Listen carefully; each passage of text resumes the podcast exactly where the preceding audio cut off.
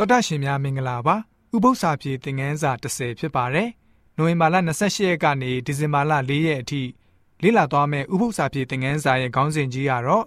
ဝိဇ္ဇာနဲ့သိပ္ပံပညာရေးများဖြစ်ပါတယ်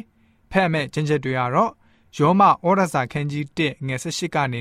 21ဆာလံကျမ်းခန်းကြီး19ငွေ1ကနေ6ဆာလံကျမ်းခန်းကြီး96ငွေ9ကပောက်ကျမ်းခန်းကြီး3ငွေ6တိမောသေဩရစာပထမဆောင်ခန်းကြီး6 တုတ်တင်ကျမ်းအခန်းကြီး1ယောဘဝတ္ထုခန်းကြီး38တို့ဖြစ်ပါတယ်။အဓိကကျမ်းချက်ကိုတော့ဆာလံကျမ်းခန်းကြီး19ငွေ1မှာတွေ့နိုင်ပါတယ်။မိုးကောင်းကင်သည်ဖျားသခင်ဤဘုံအတရေတော်ကိုကြားပြော၍မိုးမျက်နှာချက်သည်လက်တော်နှင့်လှုပ်သောအရာများကိုပြသ၏ဆိုပြီးတော့ဖော်ပြထားပါတယ်။ပညာရေးမှာဝိဇ္ဇာသိပ္ပံအတက်တွေပါဝင်ပါတယ်။သို့တော်လည်းပဲတမန်ကျမ်းစာရှုထောင့်နဲ့အဲ့ဒီဝိဇ္ဇာသိပ္ပံအကြောင်းတွေကိုလေ့လာသင်ကြားမယ်ဆိုရင်ဘလို့အကျုံးဝင်မှုရှိသလဲ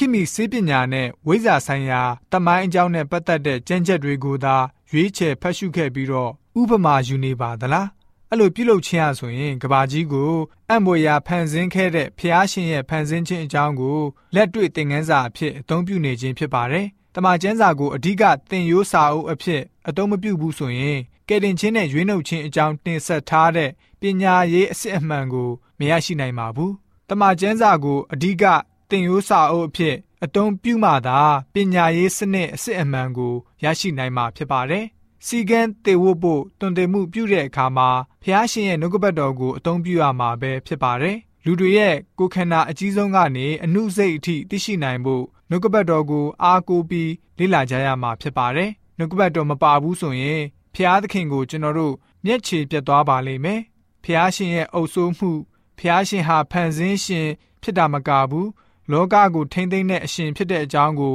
မေ့လျော့နေလိမ့်မှာဖြစ်ပါတယ်။ဖန်ဆင်းရှင်ရဲ့ဖန်ဆင်းခြင်းအကြံစီတော်ကိုဖော်ပြတဲ့အခါမှာကျွန်တော်တို့လေ့လာရပြီးတော့ဤဥပဒေသားတွေကိုနားလည်လာရတဲ့အခွင့်တမာကျမ်းစာအားဖြင့်ကျွန်တော်တို့ရရှိပါတယ်။အခုတစ်ပတ်သင်ခန်းစာမှာတော့ဝိဇ္ဇာသိပ္ပံပညာကိုဘယ်လိုမျိုးသင်ယူရမယ့်အကြောင်းကိုခရိယန်ရဲ့ရှုထောင့်နဲ့လောကရဲ့အမြင်အားဖြင့်လေ့လာမှာဖြစ်ပါတယ်ဆိုပြီးတော့ဥပုံနဲ့ဥပု္ပ္ပစာဖြေသင်ခန်းစာကဖော်ပြထားပါတယ်။